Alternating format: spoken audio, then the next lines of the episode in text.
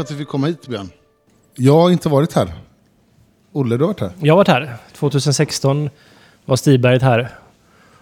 Och besökte precis när ni börjat använda den nya byggnaden. Och det var väl när Stigberget funderade på hur mycket de skulle växa så ville de se hur det kunde bli. Vad sa Jag de när de gick härifrån då? Nej, aldrig. Nej, det var verkligen jobbigt med så stort bryggeri. Men vi, vi, vi har ju förstått efteråt eh, varför Stigberget ville komma hit och, och besöka oss. Och jag har faktiskt kvar eh, presenten jag fick från Stigberget. Det var en tumstock eh, som det står Stigberget på. Den, Ja, just det. den har jag sett så nyligen som för någon vecka sedan faktiskt. Så Det var en bra tumstock. Men vad, vad, vad var syftet då? Att de ville se hur man blir stor? Ja, jag tror de använde tumstocken, gick runt och mätte och så här hur stort det var. Och sen så när de var klara så fick jag det. Ja, men det var bra. Ja, men det väl kul i så fall om, om eh, jag vet inte, studiebesök är ju alltid intressanta. Ja. Och man behöver inte åka på studiebesök. Det räcker ju med att eh, det är ännu enklare om eh, något annat bryggeri kommer hit. Då, det här, fan vilket problem vi har med det här. Hur gör ni? Ja, nej, men vi gör så här. Ja, det är, det är jätte, jättebra. Liksom. Sen kan ju, hoppas man ju också att, att man kan ha dela med sig av nå, nå, någonting från vår sida också. Det är väl det som är lite kul tycker jag. ja, men idag kom vi inte hit för att mäta, utan vi kom hit för att se hur det ser ut här och prata med dig. Ja, Och vi träffar ju en del eh, personer, intressanta personer som vi vill höra om deras resa och, och sådär. Och Oppegårds har ju, ja, vi behöver inte ens presentera Oppegårds, alla vet vad det är, eh, av de som lyssnar också. Men men ni har ju inte varit hit än. Så ni, nej, precis. Och, och personligen var det kul att bara se det. Och sen så vill jag förstå lite grann, liksom, vad är bakgrunden till Oppegårds? Vad är Oppegårds själ? Vi får reda- på det idag tänkte vi. Ja, det är ju ni som är journalister eller utfrågare i alla fall. Det Så ni måste ju försöka gräva då. Jag har ju svarat på den där frågan tusen gånger, så nu måste vi komma med det. Det äkta svaret. Jag vet, och vi börjar med några så här frågor som du har svarat på tusen gånger. Men du berättar om det här huset som vi sitter i nu. Ja, det var, det var, vi sitter i vårt första brygghus.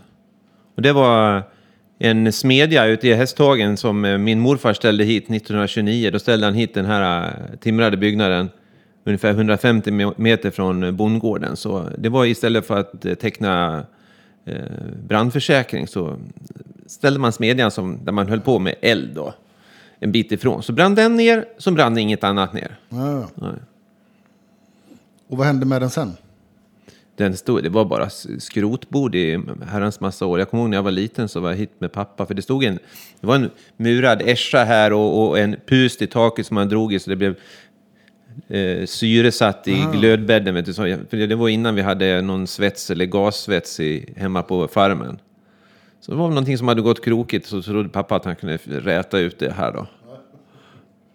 Jag vet inte om det gick så bra. Nej. Men när kom du på att du skulle brygga öl här då? Ja, det vet man inte riktigt. Jag vet, eh, jag vet ju att jag gjorde eh, svartvinbärsvin och hade en damajan bakom sängen när jag var 13 år. Så att man skulle ha något när man skulle gå på skoldans. Men, men eh, det, det är första gången liksom det vart alkohol. Liksom det var ju, man skulle, det var, alltså, mamma och pappa visste ju om det, va? Men, men, men jag drack nog ingenting av det där just. Nej. Men det var, det var här nyfikenhet. Jag har alltid varit en sån här person som har eh, fastnat i fixidéer. Och det, eh, präglat mig, och det präglar mig fortfarande. Och, och bland de första fixidéerna, det var ju att jag skulle bli, jag skulle bli lika bra som Ronny Hellström i mål, som målvakt då i, i fotboll. För då, då var jag, det var 1974 när det var fotbolls-VM. Och det var Ronny Hellström och eh, Ralf Edström och de här. Och eh, då stod jag och spelade med mig själv, jag hade inga kompisar. Så då, då sköt man bollen mot magasinsväggen och så när den studsade tillbaka och jag kunde ta alla bollar när studsade tillbaka, då var jag lika bra som Ronny Hellström. Hellström, ja. Så då, eh, det var en sån här fix. Men sen, eh, jag vart väl inte någon, någon vidare fotbollsspelare. Nej. Nej, jag var vänsterytter. Vi förlorade var, varje match med 16-0 nere på Grimplan där vi nu har byggt ett bryggeri. Ja, det är den gamla platsen där det Där bryggdes. vi kallar bryggeriet för Grim. Ja. Det stod alltid 0-0 eh, vid avspark. Så vi fick alltid känna på ett oavgjort resultat. Men vi vann aldrig. Så att, no, alltså, det var, ja, det var 13-årsåldern och sen så kanske det inte hände så mycket mer där. Ehm, sen vet jag att när jag var 18 år och hade körkort, då skulle vi eh, fästa i, i Justern då, i Säter då. Det var ju där som södra Dalarnas härdsmälta vad gäller midsommarfirande på den tiden. Och eh, då skulle jag göra billigt öl åt mig och min kompis Blomman. va. Och, då hittade jag den där boken jag pratade om tidigare på Hedemora stadsbibliotek. En orange bok, kommer jag ihåg. Och, eh, den var, jag skyller, vi skyller, man, det är ju aldrig mitt fel när någonting går snett, utan det är alltid någon annans fel. Så då kan man ju skylla på boken där och Ja. projicera felet på, på den. Eh, liksom, eh, det kanske var en dålig översättning från engelska. eller Någonting. Så det vart ju, det vart ju, det vart inget puff alls i det ölet. Liksom. Det, det smakar bara vatten och jäst. Men, men var det som en helmaltsbryggningsbok eller var det som ölsats? Ja, jag tror det var eh, eh, helkornsbryggningsförsök. För jag tror att jag tog eh, eh, korn från farsans eh, på logen. Va? Aha. Och, och jag fattade väl inte att korn skulle vara mältat innan man skulle börja eh, mäska det. Va? Nej. Jag tyckte väl liksom ett steg i procent måste man ju kunna hoppa över. Man måste ju kunna förenkla någonting. Så det, det, det, det är klart, det blev ju, jäste ju ingenting. Va? Nej. Du gjorde alkoholfritt Men, tidigt. men där, om ni vänder på huvudet, nu kan inte de som hör det här se det här, men där, där hör ni att det står en liten sån här kaffekross. Jag hade inte den den gången, men när jag och Sylvia köpte våran stuga här uppe vid skogens kant, då stod den där krossen, eller där är en kaffe, kaffe, kaffekvarn heter det. Så den där har jag haft när jag krossade malt, när jag hade det här som eh, hobbybryggeri då. Okej. Men, men, eh, men eh, nej, det vart ju inte alls bra. Men, och där skulle det ju ha stannat. Ju som många gör, så- ja, men jag, jag har bryggt öl en gång, men det vart bara skit, så nu, nu är jag svarvare eller svetsare. Och sådär. Men sen när jag flyttade jag till Uppsala och skulle plugga ekonomi, min mamma skickade dit mig för hon tyckte det var bra att Björn skulle vidareutbilda sig. Då, då, då, kom, då var det ju väldigt mycket alkohol i Uppsala, så vi drack ju en herrans massa bärs. ju så. Och då vaknade väl det där intresset på, eh, till liv igen då. Jag började, man kunde eh, göra såna ISBN-sökningar på eh, biblioteket, och, men det fanns ju ingenting. Det fanns inga böcker. Det fanns, man kunde importera sen böcker, fick jag lära mig från, från Edinburgh. Men då bryggde jag öl. Då gick man på, på studentnation och eh, hämtade tompaver och så körde man dem i ugnen hemma och sen så köpte man en ölsats och eh, bryggde och eh, lät förvara eh, flaskorna i klädgarderoben på studentrummet. Men då blev det lite bättre. Nej, det vart inte alls bra. Det är så puff i garderoben. Och det var, det var någon, det var eh, en, vi ska inte hänga ut namn här kanske, men, men det var en studentkamrat. Han, han fick höra då att när jag hade flyttat hem till Dalarna och lagt, lagt den här yuppie-karriären på hyllan. Jag bodde i Stockholm några år skulle bli eh, sån här yuppie, eller så, göra karriär som ekonom då. Det blev ingenting av med det. Eller jag jobbade där några år, men Sylvia ville inte flytta till Stockholm. Så då flyttade vi till Hedemora. Och då började jag brygga, bygga bryggeri. Då. Och då, då hade han hört talas om Björn, han har, som, han har gett upp sin karriär. Det blev ingenting av den där ekonomen. och nu skulle han starta bryggeri. Och då har han sagt, ja, vi får hoppas att det blir godare öl nu än det där han bjöd på i Uppsala. och eh, det var väl en jävla tur det här Ja, kanske. men, precis. men när du flyttade hem hit, vad jobbade du med då? I... Då, ja, men jag jobbade i Stockholm då. Då var jag ju ekonom. Va? Som, och, eh, man höll på med debit och kredit och sådär. Och eh, det var väl kul tyckte jag. Och sen, sen så när jag flyttade hem då, då, då var jag tvungen att ha ett kneg. Och eh, eh, jag fick jobb på järnhandeln i Hedemora. Jag hade en mycket förstående arbetsgivare där som heter Bengt. Eh, för han förstod ju ganska snart att eh, Björn han sitter och drömmer om ett bryggeri. I och med att man har själv varit i den sitsen så är det inte någon optimal eh, att betala ut månadslön till egentligen. För, för man har, även om man, man, du kan vara 100% lojal din arbetsgivare, men om, du kan inte styra dina tankar. Liksom. Man satt man ju där och, och, och eh, funderade hur man bygger ett bryggeri kanske. Ja, en del av dagen också kanske. Eh, men eh, hoppas jag, jag hoppas att vi hade ömsesidig nytta av varandra i alla fall. Så att eh, jag flyttade hem. Jag och Sylvia köpte huset här ute i Ingvarsbänning 94 på hösten och eh, började på järnhandeln våren 95 då. Och sen så grävde vi en grop i backen ungefär där vi står nu. Eh, 96 på hösten. För ja, vi fick för oss det kanske man måste spränga eller något sånt här. här. Så jag lånade en lastmaskin och grävde en grop och så vart det en sån här anellgrop. Men ni för unga kommer ihåg det. Det var en sån här byggnadsteknisk eh, lagstiftningsgrej. Så det var lite gropar överallt i hela Sverige. De hade påbörjat mm. någonting. Det var något skattemässigt. Men, vi, men, men till skillnad mot anellgroparna då så, så uh, började bygga ett hus på våren när, källorna gått ur backen och så här. Och, uh, min mor då som är eh, fortfarande i livet och eh, realistisk och eh, fena på risk management. Annars är hon, var hon folkskollärarina. Hon sa så här att du kan ju inte bygga, du har väl aldrig byggt någonting så du kan ju inte det här. Utan, och det hade hon ju helt rätt i, men man, jag har alltid varit i den inställningen att man, det är klart det ordnar sig, det här fixar man ju. Men då, då lyckades hon övertala mig, så jag lyckades. Och det var ju någon typ av så här det var en sån här fastighetsfinanskris. Det är ju alltid kris, va? Det är alltid mm, kris. Någon kris, ja. Ja, det är en jävla kris. Och då, då eh, var det mycket byggnadsarbetare som var arbetslösa. Då lyckades få tag i en jätteduktig kille som, som var duktig på att gjuta. Alltså, vi göt golv och väggar och så här. Och det hade jag ju aldrig fixat själv. Liksom. Jag förstår inte. Det var, det, men det är så. Men när man väl har kommit igång och så man har börjat se, lärt sig lite grann om, inom något gebit, då börjar man ju förstå att man kan ingenting. Så att eh, därefter så vart man i alla fall, om inte man kunde sakerna, så var man i alla fall lite bättre på att bedöma vad jag inte kan och vad jag skulle kunna klara av. I början när man inte kan någonting alls, då tror man att man kan allt. Mm. Det är ju lite livsfarligt. Men, men så han hjälpte mig där på sommaren 1997 och vi fick upp väggar och tak. Och sen så hade jag inga mer pengar sen, så var pengarna slut, så han eh, han eh, fick, sen fick han jobb på sin riktig byggfirma sen. Okej. Ja. Du Björn, om jag... Alltså, att det verkar som att det var ett väldigt självklart val att just starta ett bryggeri. Du, du startar ju ingen trävaruhandel eller något annat. Alltså, var det det här drickandet i Uppsala som var... Ja. Jag, ja, jag vill ha tillbaka det. det. det. ska alltid finnas drickande i... Ja, ja. Nej, det, Nej. Var väl, det var väl mer att man måste gå från konsumtion till produktion. Man kan inte fastna i den typen av kvantitetskonsumtion ju som hela livet, det går inte. Va? Eh, men nej, men det var en fix idé och fixidén den fanns då redan mm, från Uppsala-tiden. Sådär, att, att, att, och, och, för det fanns ju inte så mycket att jämföra med. Jag var på Stockholm Beer och hörde med höger öra att det var några på Kungsholmen som skulle starta ett bryggeri och så här var ju otroligt spännande. Va? Mm. Eh, men, men fanns det ändå en kommersiell tanke eller var det mer att jag ville testa att göra ett bryggeri? Eller var i liten skala? Eller vad tänkte du?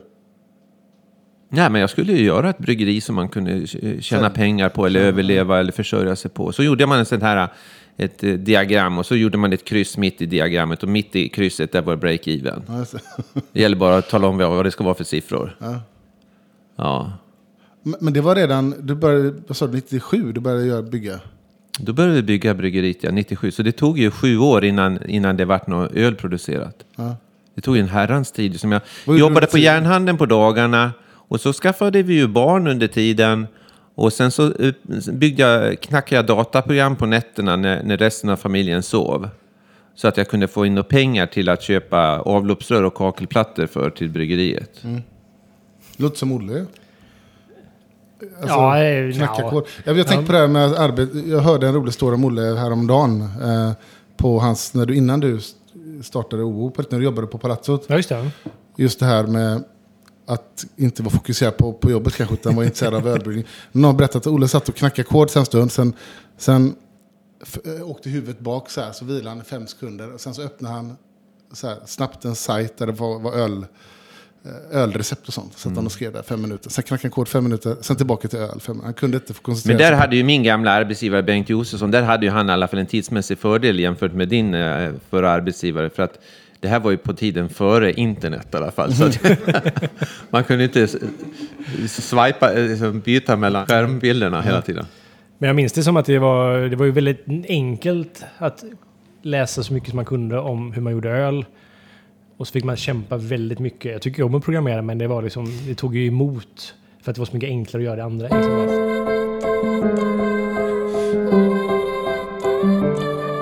Men det tog alltså sju år från att ni började bygga på... Ja. Men hur många, hur många svenska småbryggerier har byggt sina egna lokaler? Ja, det är väl bara du tror jag. Ja, jag vet inte. Det måste finnas någon fler, men inte är det många. de flesta utgår ju från ett skal eller någonstans. vi bygger ju nytt hela tiden när vi gör någonting. Mm. Ehm, och, och har man inga pengar och inga resurser och medarbetare och så här som man ska göra allt själv, det, tar, det suger enormt med tid. Men de sju åren höll du på att brygga, göra recept? Eller? Nej, ingenting. Nej. Du bara väntade ut? Nej, jag, jag menar, dygnet var ju upptecknat, eh, intecknat redan. Ja. Jag menar med jobb, familj, dataprogrammering och bygga bryggeri. Men ångrar du dig ett tag där? Eller att du startade det där? Eller? Nej, jag tror inte det. Nej. Det är det som är så konstigt, att jag inte... Man ska ju vika ner sig. Idag kan man ju ibland fundera liksom på liksom att, att det, det är inte så att jag ångrar mitt livsval. Liksom, för det, ja, men vad fan ska det leda till för någonting? Det, det verkar ju pointless. Liksom. Men, men, eh, men, men, eh, men jag tror att jag trivs väldigt bra med den där tiden. Och som jag, jag eh, tyckte det var, även om det, det är inte är kul, det är jävligt tråkigt att kakla och foga kan jag säga. Enormt tråkigt. Men när det var klart så är det en ganska stor tillfredsställelse att ta tre steg bakåt och titta på den där väggen. Och, och jag trivs ganska bra med att jobba själv också. Så här, på gränsen. Så här. Jag vet inte vad det är för eh, diagnos som ska ställas för att man ska liksom tycka om att vara själv. Så där. Men det är väl någon, någon diagnos det också förstår jag. Jag menar, jag var ju här själv första åren också. Innan Henrik och Kristoffer dök upp så här. Så idag eh, skulle jag ju tycka att det vore enormt jobbigt liksom att stå här och brottas med problemen. i- Alla problem själv. För det, den som driver ett bryggeri, oavsett hur stort eller litet det är, inser ganska snart att det är ganska mycket grejer på ett spett. Det är mycket grejer som kan krångla rent liksom praktiskt. Liksom. Sen, så börjar, sen så kan man lägga till den mänskliga faktorn eller liksom, eh, kunder eller leverantörer eller business, som att få saker och ting att gå ihop eller att man klantar sig och tappar en affär eller något sånt där. Och så ska du stå där samtidigt och, och laka ur din maltbädd. Liksom. Det, det, blir, det blir för många grejer till slut. Ja, men. Men man orkar ett tag. Absolut.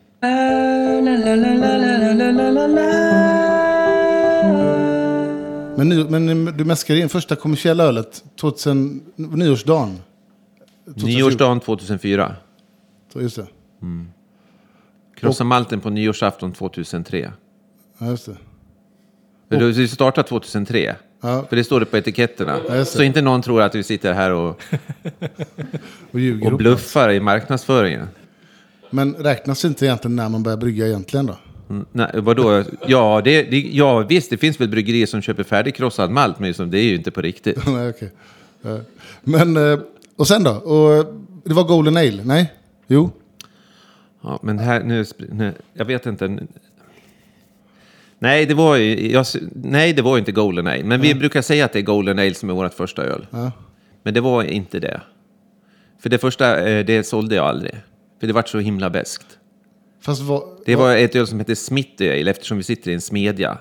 Ja, och, och Men, eh, det- det vill- nej, var här och, Va? det var några som var här och provade som sa Ja, Thomas Husing. Just det. Ja. Det var inte alls beskt, sa han. Nej, han, ja visst. Han sa att det var bra. jag inte, visste väl jag det eller? Så du hällde ut det då? Ja, de fick ju varsitt glas. Hans fru fick också ett glas. Men sen, eh, ja nej, sen hällde jag ut det då. Okej. Efteråt. Ja. Du har aldrig bryggt om den ölen? Jo, en gång, men alltså, och det skulle man ju önska att man... Det, det var... Jag satt och pratade med någon häromdagen liksom. Ja, det är hopplöst att lansera ett öl idag som inte är torrhumlat liksom. Jag vet inte, vad, vad finns det? Om vi tar Golden Ale till exempel. Liksom, om vi tar liksom Ale-listan på Systembolaget. Topp... Nu är inte Golden Ale på topp 10 längre tyvärr, men topp 12 kanske. Vad- vad- vilka öl liksom utöver Newcastle Brown Ale är inte torrhumlade? Det finns ju inga. Leffe, men som det är då är ale extra starkt då. Men som, jag menar, vi har, jag har ju sådana här kanonbra recept på några öl som jag har i byrålådan. Som för förr i tiden, alla öl från, från förr i tiden, de är ju inte torrhumlade eftersom man inte torrhumlade öl förr i tiden. Det var ju HG som eh, berättade för mig att man... Nej, det kan det ju inte ha varit. För han sa ju att man aldrig skulle torrhumla. Men det var han som lärde mig hur man skulle här kontinuerlig, continuous hopping som man gjorde någon gång på det. 2006 eller 2007 eller något sådär. Men alltså... Det, det är ju hopplöst att få in något på Systembolaget eller eh, som, som inte är torrhumlat. Liksom. Det, men det, Men alltså de bästa ölen är ju inte torrhumla. Liksom. Det Bäst hållbarhet och bäst balans. Och Du kan dricka, du tycker det är godast att dricka länge och många och sådana. Liksom. Det, ja, men det, är inget, det kan man ju inte liksom, sticka under stol. Det är ju sant. Ja. Ja, jag är beredd att vara med. Ja. Så, att, eh, eh, så Smith Ale, ja, absolut, den skulle, bra idé. Vi, vi, eh, vi tar det till listan av eh, eh, kommande lanseringar. Kommande lansering, precis. Men sen då, vad började du sälja? Började du sälja lokalt eller? Ja, men på den tiden då fanns ju inte detta med TSLS som alla svensk, små, ny, eller ganska nystartade bryggerier har, har eh, fått en, eh, ja, kunnat hänga upp sin verksamhet kring. Utan då 2004, då hade Systembolaget eh, någon regel som sa att man fick ha två öl i butikerna i sitt hemmalän. Just det. Det är tillbaka på den tiden.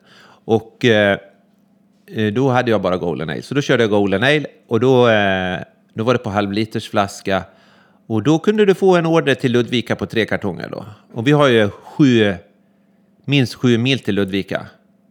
Och så, så eh, det var, jag tog eh, sämre betalt för grejerna då än nu. Så jag kanske hade tre kronor i täckningsbidrag per flaska. Och så 20 flaskor, det blir 60 flaskor, 3 gånger 6, 180 spänn va. Och så bensinen kostar 10 kronor liter. Liksom. Ja, du kommer ju knappt hem alltså eh, finansiera bensinen då. Hur, hur stort var bryggverket? Hur stora satser gjorde ni från början? De var ju för stora. Vi hade ju ett, ett, ett bryggverk som, eh, det som minst kunde göra 1600 liter och som mest 2200 liter. Och det kanske var någon utslagsmängd på eh, 1700 liter i början då. Och så, jag bryggde, tror jag, fyra eller fem kok det första året. Och har man då inte så bra koll på sin hållbarhet på sina grejer då med eh, syre och kanske ännu värre grejer. Så då är ju det ölet börjar bli gammalt innan man sålt slut på lagret då. Och där kommer vi till en av mina så här deviser genom bryggarlivet. Det är att man ska komma in i en positiv spiral. Så att man inte hamnar i en negativ spiral. Och det vet alla vad det betyder. Men, men som, för oss som eh, håller på med öl så är det ju som att ju mer du får sälja av en öl, ju oftare kan du brygga den, ju färskare når den ut till, eh, till konsumenten där den ska drickas upp. Och ju bättre öl är det och ju bättre smakupplevelse inbillar vi oss att konsumenten får.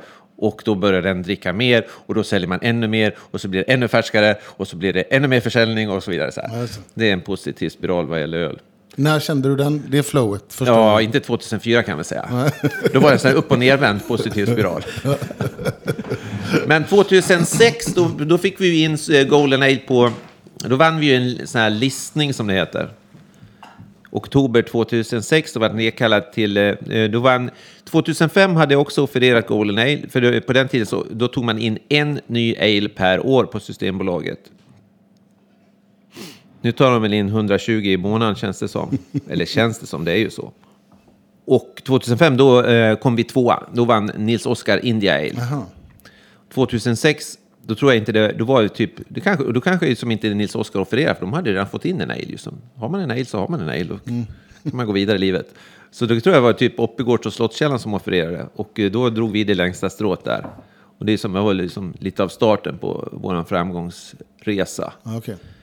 Men den, den låg väl och skramlade runt en 100 000 liter 2007 där och eh, jag kommer ihåg 2000, ja, jag kommer ihåg 2007 i februari så sålde vi, eh, om det var 15 000 flaskor eller, något, eller om det var 15 000 liter, eller jag kommer inte ihåg om det var liter eller flaskor. Men alltså det var ju bottennapp ju som.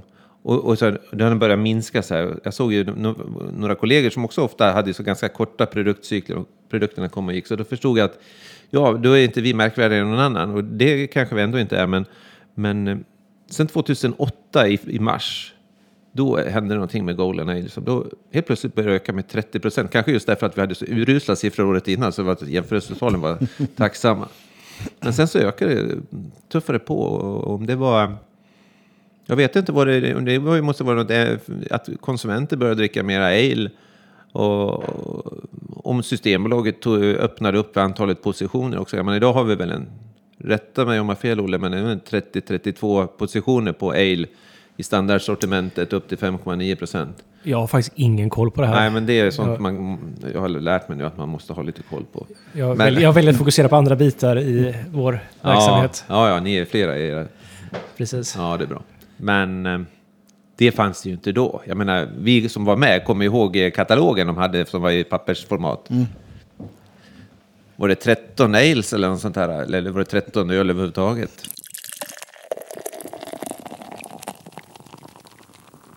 Men hade du någon form av så här, plan hur stort det här skulle bli? Ja. Ja. Jag gjorde ju ett sånt här eh, break-even-diagram. Eftersom jag är civilekonom så kan jag göra eh, linjediagram. Ja. Första gradens. Ja, just det. Ja. Och vad stod Inte andra grads ekvationen. Nej. Ja, men då när man eh, som, då hade man ju, hade väl någon så här gräns för vad man har för fasta kostnader och sen så hade man då hur mycket man tjänar per flaska så vart det en break-even där på, jag tror att det var på 200 000 liter. Då skulle vi gå plus minus noll och vi var tre som jobbar här. Mm. Och eh, det låter ju som att det är eh, väldigt mycket öl för tre personer idag tror jag. Jag vet inte, men jag tror att folk, vi tog, på den tiden så tog vi mycket mindre betalt för en flaska. Vi tar ju 1990 för en Golden Ale idag. När den lanserades 2006 över hela Sverige så tog vi 1460. Tänk på det, för det, var ganska vanligt på den tiden att man tog lite betalt som hantverksbryggeri. Ja, Var det en så här en, för att ni trodde att man inte kunde ta mer betalt? ja eller? det var ju jantelag. Det var ju bara eh, 100 procent. Det var inte Systembolaget som sa att det får kosta? Nej, det, ja, det kommer jag inte ihåg.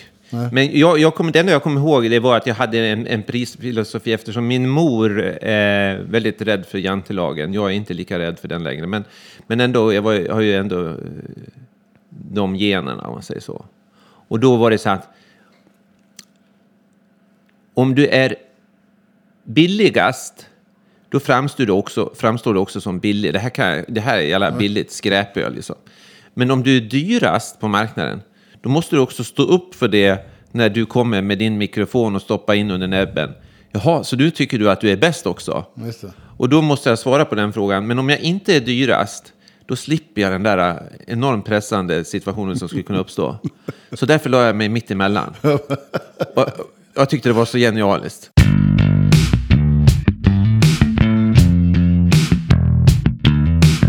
Men har du känt av jantelagen här eh, gällande hur stora ni har blivit? Nej, inte, inte direkt sådär kanske så mycket. Jag tycker folk är överlag väldigt schyssta och jag tror väldigt många här i bygden är stolta över att det har växt fram ett företag. Eh, ja, men det här är ju ett konsumentvarumärke. Jag menar, om, om, du har, om du är Sverige bäst på eh, eh, datasvarvning till exempel. Så det, är som, det är ingen som, ja, har han, han håller på att svarva jag vet inte vad han håller på med. Men har du ett, ett konsumentvarumärke som var och varannan börjar känna till, ju som, så det, det är som lite som dalahästen lite så här. Så att det, det tror jag folk är, för det, det är någonting man kan identifiera sig lite mer med tror jag. Jag tror det är, jag tror just den grejen tror jag inte är helt oviktig för självkänslan lite grann. Ja, men folk måste vara väldigt stolta, tänker jag, i liksom, Ja. bygden. Köper de er öl också här lokalt mycket? Ja. Det var så här att jag, jag gjorde, jag sa ju förut att jag finansierade en del av eh, eh, varuinköpen. Jag byggde bryggeriet innan jag hade någon, någon produktion genom att sitta och knacka dataprogram. Och eh, ett dataprogram så byggde jag åt en firma som höll på med såna här, eh, de sålde eh, några grejer eh, via vad sån här kedjebrevseffekt. Alltså en säljare ska börja sälja till, till konsumenter någonting och sen så lyckas han värva nya säljare och så får han provision på deras. eh, Så, så då byggde jag något dataprogram för att hålla på. Pyramidgrejer? Ja, precis. Pyramid. eh, Pyramidbageriet. Nej, nej, det var inte pyramidbageriet. Eh, och då gjorde jag ett dataprogram till. Och då, eh, med det så följde med något, något register över hur många eh, hushåll det finns i varje svensk kommun. För det hade de knackat in då, så det snodde jag av dem. Och eh, då har jag använt det där och kopplat ihop då liksom hur många, hur många liter öl Oppegård säljer per hushåll. Jag har inte per invånare, men hushåll är ju ganska så här liksom, kanske bara som ensamstående som sitter och dricker Oppegård, så vet inte jag. Men, men, som, men, men eh, då kan man komma fram till att vi säljer ju per capita, eller per hushåll då.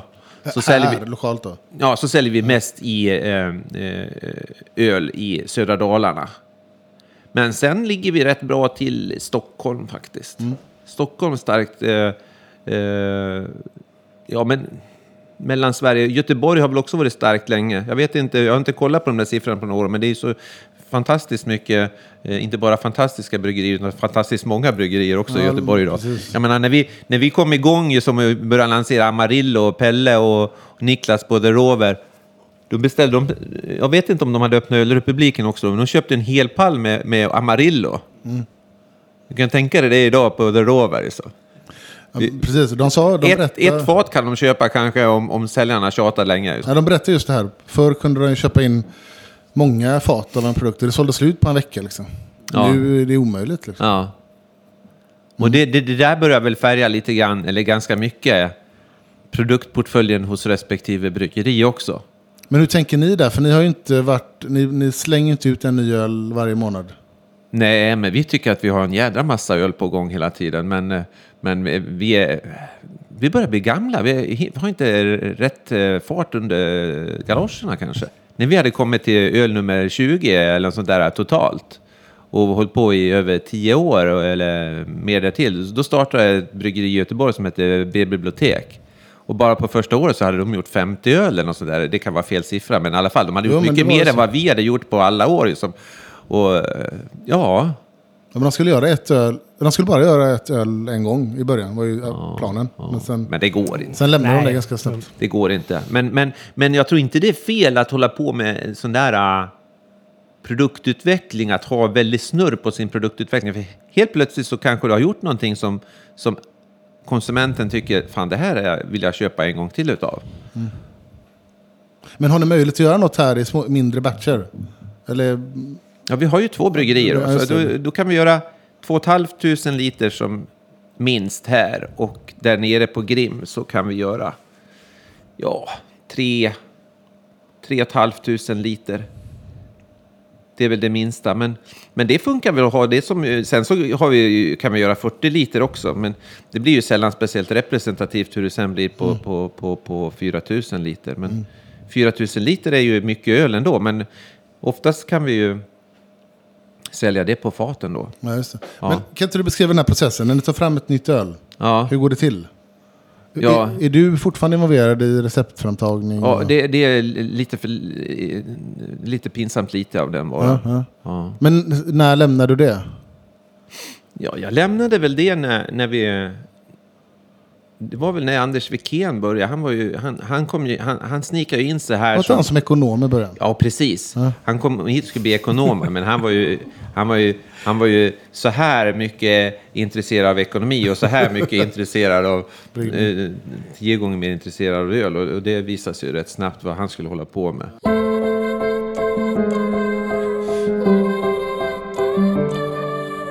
När de har gjort ett recept, då ligger en sån här uh, utskrift från Bear Tools eller något sånt där uh, på mitt skriv, över mitt tangentbord. Då ska jag ju som komma med synpunkter då. Gör du det? då? Ja, vi, vi pratade om en, eh, en öl så sent som igår. Och eh, ja, Nå, någon synpunkt hade jag. Ja, men det, det är... Men alltså, vad, ja, vad har jag, jag har väl varit med och, och drivit fram det här Deep-projektet vi håller på med. Just det. Men det är ju inget nytt, det är ett gammalt recept jag har dammat av. Jag har bara försökt övertyga andra att det skulle vara en, en, en idé, bra idé. Det var väl inte så här... Det har väl inte gått så här som en, ingen sån här IPA-raket på marknaden riktigt. Men Men berätta lite om det projektet. Alltså, hur, hur uppstod den idén och vad innebär det för dig så att säga? med Deep, Ja, ja, det innebär väl inte så mycket för mig. Men tänket bakom det, det, det är ju, delvis är det ju kommersiellt naturligtvis. Vi försöker göra, göra ett prisvärt öl, men med råvaror där det inte går åt så mycket humle. För humlen är ju otroligt kostnadsdrivande när man ska göra en IPA där det kanske är ja, 10-15 gram per liter. Liksom. det blir ju jättemycket pengar i slutändan och så ska alla led ha, ha, ha procent på det där. Medan en, en, en, eh, som en belgisk blond, då, som, den, gästen är inte dyrare, belgisk gäst är inte dyrare än engelsk gäst. ju, som- Så det, det är väl ett svar på frågan. Sen har vi gjort det här ölet för en massa år sedan och vi hade ju som intryck av att det var inte bara vi som tyckte det här var jävligt gott, utan vi trodde att det var jättemånga som eh, gillar det här. va. Och det, det, det är det säkert, va? men det kanske inte är samma lika stor målgrupp kanske som man är i IPA-träsket. Då. far kring. Och Heritage-serien då? Hur, är, är den fortfarande live and kicking? Att du, Ja, det, det går väl sådär. ja. Ja. Men du får inte ge upp Det det, bara för att inte alla fattar det. Nej. Nej, hur ska vi göra då? Brygga Nej, vi gjorde ju ett stort misstag där. Eller, alltså hade ölet sålt ännu eh, fem gånger så mycket, då hade det inte varit ett misstag. Men i, nu var det väl ett misstaget var väl att man gick ut på halvliters flaska eftersom det rankas ju ner fortfarande rätt hårt på Systembolaget och eftersom vi ska dricka mindre. Så det hade ju, eh, kanske hade kvalat in på i fasta sortimenten de där, några av de där ölen om vi hade haft det i 33 Eh, så, det eh, verkar vara ganska långt därifrån idag. synd. Ja, vi håller väl eh, pilsnen vid liv ändå med ganska mycket fatölsförsäljning. Hedemora pilsner. Hedemora porter, den vann vi en listning på det, så den finns ju kvar i sortimentet. Ehm, men jag kommer ihåg, vi träffades, var det två år sedan, på någon pub i Göteborg. Göteborg, ja. Mm. Och ni tyckte det var så fantastiskt bra, och det tyckte vi också. Men eh, det räckte inte ända ut. Vi trodde att Dunkel skulle vara lite, här, lite öppet mål, så här att det är så få öl i det segmentet. Så här, va? Men, men vi säger, vi avslutar där med Heder, vi lägger inte ner konceptet. Nej, det är bra. Men, eh, ehm, ehm, och vi tar inte paus. Nej. Men eh, vi vilar upp oss inför andra halvlek.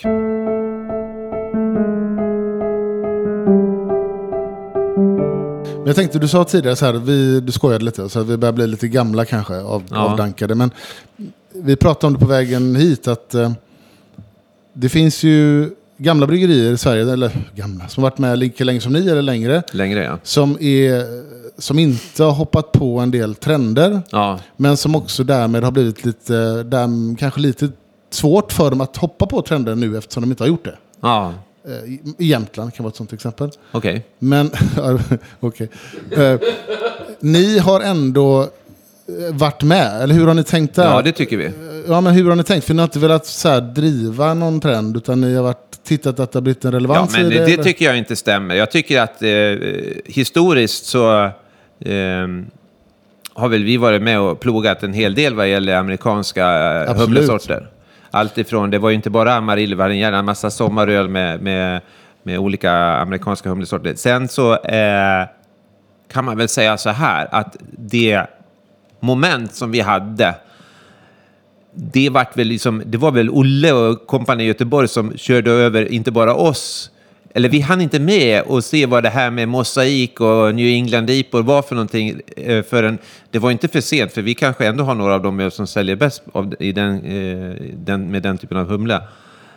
Men när vi kom ner till Göteborg på ölfestival där för ett antal år sedan så var det någon snackis om det här eh, festivalölet som vi inte som hade, jag var inte med i matchen riktigt.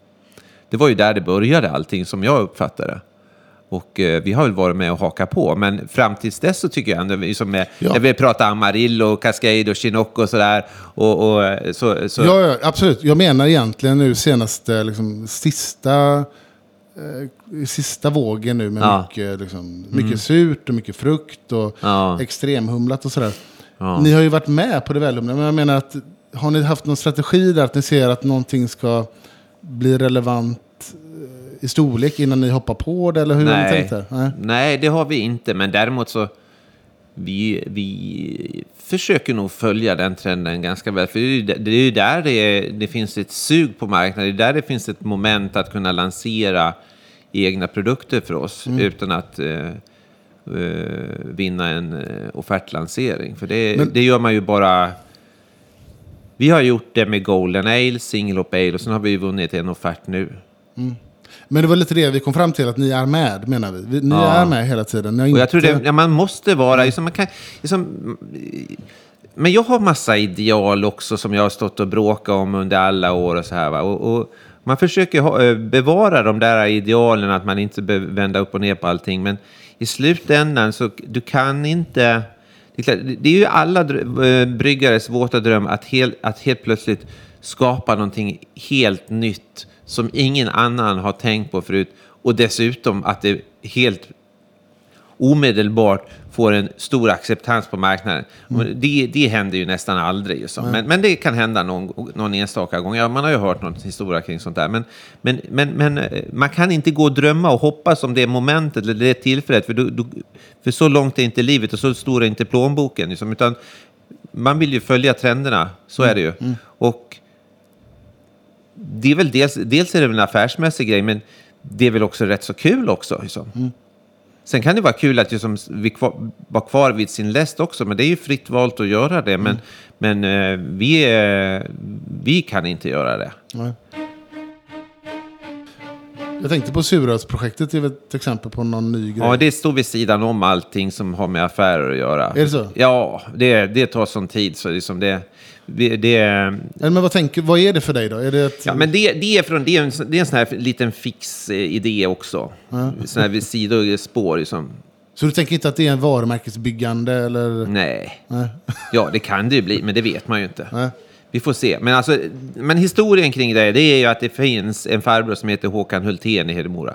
Och han bjöd hem mig, när han hörde att det var en yngling i Hedemora som skulle starta ett bryggeri, då vart han så till sig. Då bjöd han hem mig.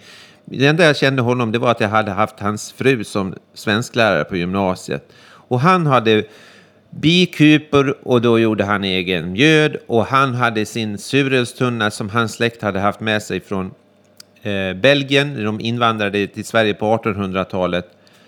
Och så satt vi här. Vi hade det, här vi sitter nu i våra första brygghus och så hade vi det som kontor en tid och så, så var det någon som vi satt här och spanade. Ja, men ska vi inte få höra om vi kan få en bottensats av Håkan så vi kan göra vårt e- som kan liksom kommersialisera eller liksom göra hans eh, ölkulturella, liksom, det är ju helt unikt ju som att de har öltunna kvar, finns ju ingen fler i Sverige. Det där var ju ganska vanlig företeelse förr i tiden. De hade på gårdarna och hade, vallonerna hade med sig. Och så kan vi ju som få det här publikt, ju som, även om vi tror det blir ingenting att tjäna pengar på. Det kan möjligen vara som du är inne på, att det kan vara, kan vara en kul eller en bra grej för, ett, för, för varumärket eller ut på någon exportmarknad.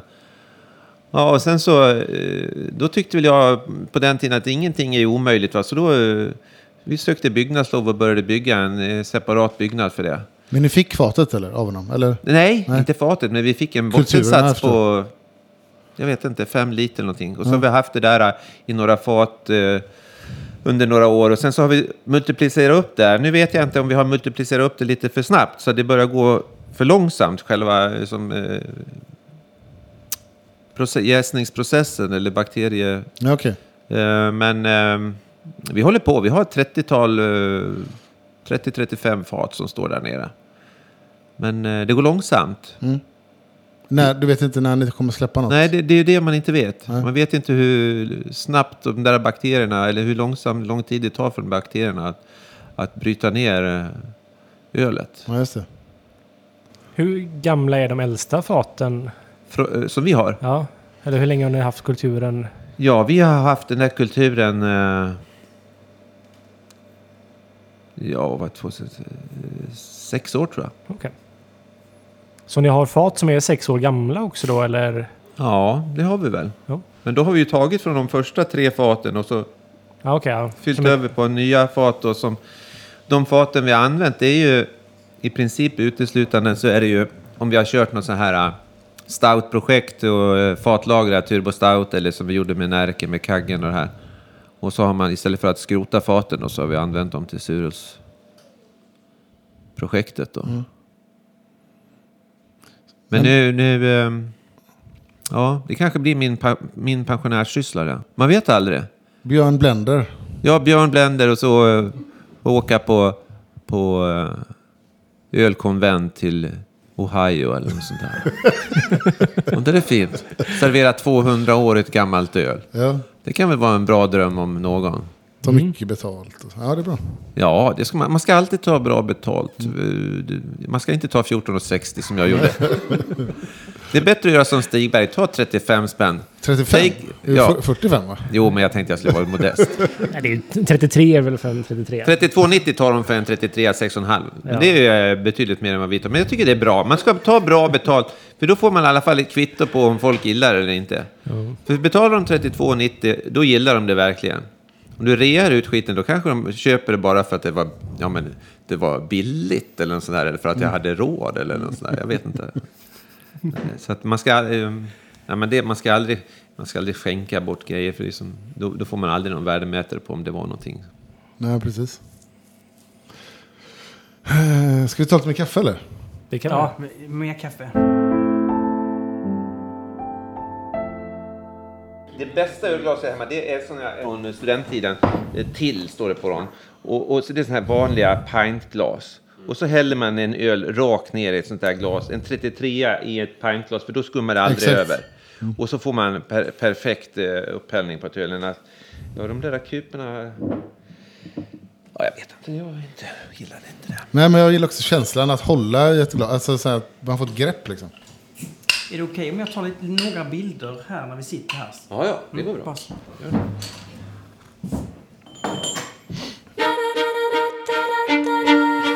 En generell sak kring eh, mycket, den här kulturen, företagskulturen Oppigårds. Den tycker jag i alla fall att jag har känt av, även om jag aldrig har varit här. Att det är väldigt tydligt vad ni står för och sådär. Väldigt positiva värden för mig. Är det någonting som... Det ligger ju väldigt mycket från dig och din vision. Och, eh, eftersom du har startat det här. Hur har du...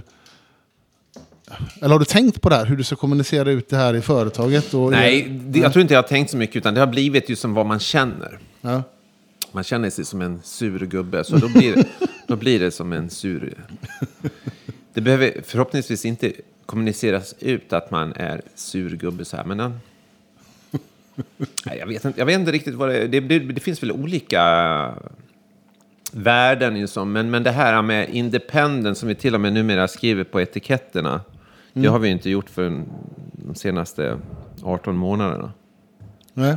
Men det är sån här, det har ju legat mig nära ända från början, att man liksom har känt sig motarbetad av myndigheter och, och jag är fortfarande liksom, eh, enormt eh, besviken på eh, svenska systemet eh, på många sätt, men liksom, om vi pratar bryggeri så är det liksom Alltså vi, har, vi betalar in 50 miljoner i skatt. Det är inte mina pengar. Men vi, vi har, våran kamrer, hon skickar in 50 miljoner till statskassan varje år.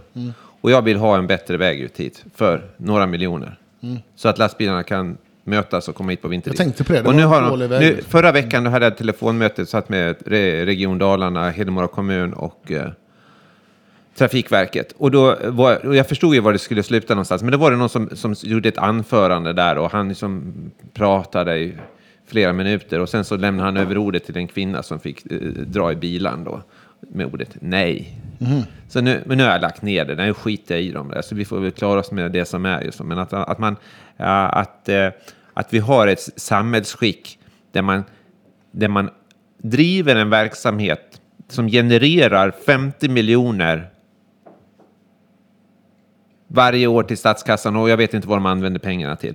Men som, och inte har ett, styr, eh, ett styrsystem som kan främja just att staten får intäkter.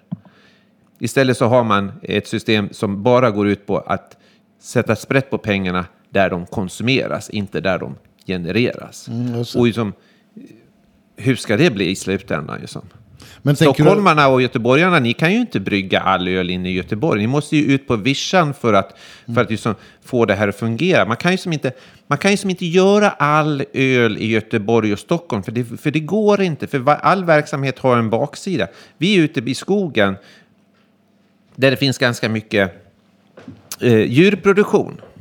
Vad skulle vi göra av all våran drav, all våran gäst, alla slattar i tankar om inte vi hade eh, ett bra samarbete med, med, med gris och eh, mjölkproducenten? Det, det är ju fullständigt omöjligt. Och så är det ju för allting. Ta Spendrups, de är ju för stora. Det är ju ett för, det är ju ett för stort bryggeri. För de är i Grängesberg. Där finns det betydligt färre bondgårdar än det finns här ute efter Dalälven. Det här är i alla fall en jordbruksbygd, även om vi är i utkanten av den. Men i Gränges, de, de fick ju köra draven ner mot Örebro. Och till slut så vart ju det för dyrt och så, så eh, gör man om sig då till att eh, göra pellets, tor, torka draven. Det förstår ju alla hur, hur mycket energi det går till Just det. det. Och, och så torkar den och sen eldar de upp den då för att eh, producera ånga i bryggeriet. Ungefär så. Jag kan ha fel, men jag har fattat att det fungerar så. Och det är fint, de får ju göra precis som de vill. Så, Men, men som, vi måste ju ha en levande landsbygd, annars så kan vi inte ha en levande stad. Men det fattar inte de som styr och ställer i detta land. Så de, de, tror att, de tror att man kan sätta sig på balkongen på Södermalm, kroka på en, balkong, en blomlåda på balkongräcket, fylla den med lite matjord från Ica Maxi va? och så sätta lite sådana här jävla frön så det växer upp basilika. Och sen så tror man att man, är, man, att man har, har någon sån jävla cirkulär ekonomi helt plötsligt. Liksom. Det funkar ju inte så. Va? Utan öl måste man få göra där man dels har ytorna och dels kan också göra om med biprodukter. Det är ju lättare att transportera öl till Stockholm än att stockholmarna skulle transportera drav till oss. Det finns ju ingen ekonomi, det går ju inte. Det är 20, 25, 30 kilometer, sen är ekonomin borta på sådana transporter. Men på vilka andra sätt märker du av det? Tänker du på gårdsförsäljning någonting? Hade du velat ha det här? Ja, det hade vi velat ha. För att vi har ju 2000 besökare på sommaren på sommarpub och vi har 2000 besökare med bokade sällskap under vintern. Och att då inte få erbjuda de besökarna en påse med både öl och med, med lu- tomteluvor eller eh, kepsar. Liksom. Det känns ju lite andefattigt. När man, man får inte sälja det som är vår kärnverksamhet. Nej, vi- vi Tänk dig åka till Nusnäs. Liksom. Ja, ska vi, titta, ska vi lära oss att göra... Hur ska man göra en, tälja en dalahäst? Liksom? Ja, nej. Vi får inte köpa. Eh, hästen den får du köpa hemslöjden in, in i Falun. De har, eh, de, har en, de, har, de, har, de har ensamrätt på försäljning av, av, av dalahästar för det är för farligt att sälja dem här i Nusnäs. Så. Du hör ju själv ju som hur Ja. sjukt det är. Ju så. ja, det- det- gårdsförsäljning, varför inte? Vi pratade om det förra avsnittet. Vad för saker som gäller idag som vi om tio år kommer eller i framtiden kommer skaka på huvudet. Så här, vad, vad var det där egentligen? Det är en typisk sån sak. Man fick inte köpa ett öl på ett bryggeri man besökte som hade gjort. Det, är ju, ett- det kommer man ju skratta åt. Hoppas vi. Ja, vi hoppas det. För det, det är ju en del av det är ju en del av själen och en del av liksom verksamheten. Som att man, att man, jag får ju inte ens, jag får inte ens ge bort en flaska öl. Jag får ja, jag kan uppvisa att du har ett serveringstillstånd så kan du få den som, som varuprov. Jag menar, om jag, har, om jag tar hit besökare, det kan ju vara kommersiella, alltså det kan ju vara eh, en, våran importör från Frankrike vill komma hit och besöka oss. Ju som. Men, men, eh, men just som, vi, får inte, vi, får, vi får knappt bjuda på en öl. Och, ja, just den personen, men de får inte ta med sig öl härifrån. Liksom, vad, vad är det för bild vi vill kommunicera ut? På? Alltså, svenskarna begriper det, för vi är ju så hjärntvättade på alla sätt och vis, så vi accepterar ju allt. Men liksom, om vi, om vi, hur ska- en fransman eller en italienare som förstår? Ja, men Nej, men vi kanske inte ska köpa någon öl från Sverige. Det här verkar lite skumt. Liksom. Det, det, det, jag menar, vi bjuder ju inte på surströmming när de kommer hit. Liksom. Det är inte det. Men, men de, de tycker ju det här är lika wired som om att de, vi skulle bjuda dem på surströmming. Ja, exakt. Men eh, alltså ni exporterar till, du sa Frankrike där, exporterar ni öl också? Ja, lite grann. Till Frankrike? Vi säljer ju så mycket på Systembolaget så allt annat blir ju lite i, i relativt. Men vi säljer lite till Frankrike, Italien, Spanien. Ja, men det är inte så mycket mer än så kanske. Men du sa där, ni säljer mycket på Systembolaget. Eh, har det varit en medveten strategi från början? Det, det är väl eh, ingen strategi, men det har ju blivit så. Eh, jag är ju inte... Jag är ju ingen bra säljare. Sådär. Och, och sen så är man ju också... Du är i alla fall 20 mil från närmsta stora eh, konsum... Eller ja... Stockholm då, konsumtionscentra. Och, och det är klart, jag åkte ju på, åkte, man tog sin pickup och så åkte man till Stockholm och sålde lite fat sådär. Va? Men, men, eh, men eh, det ena gav väl det andra. Jag menar, när vi fick in, eh, om, jag menar, om jag sålde, säg 20 000 liter 2005 eller något sånt där säger vi då. Och så får jag Golden Ale listat på 300 butiker. Och så står det 100 000 eller 120 000 liter Golden Ale på ett bräde på ett år. Du förstår vad enkelt det blev helt plötsligt. Och det, det, det, det, är, det är nog lite sådär, liksom, alltså vattnet rinner den enklaste vägen. Eh, Så det, det har inte varit någon strategi. Sen är det ju så, det är väl allmänt känt i branschen att, att är, man, man har ju bättre marginaler på Systembolagsförsäljningen på, på, på restaurang. Och det har, väl, det har väl jag också insett ganska snabbt. Och det har väl gjort att vi har tjänat bra med pengar och så har man haft råd att investera vidare. Och, och ja, då har man ju varit nöjd med det också. Eh, sen har ju vi ett samarbete med Tomp och de gör ett stort jobb ute på krog och så här.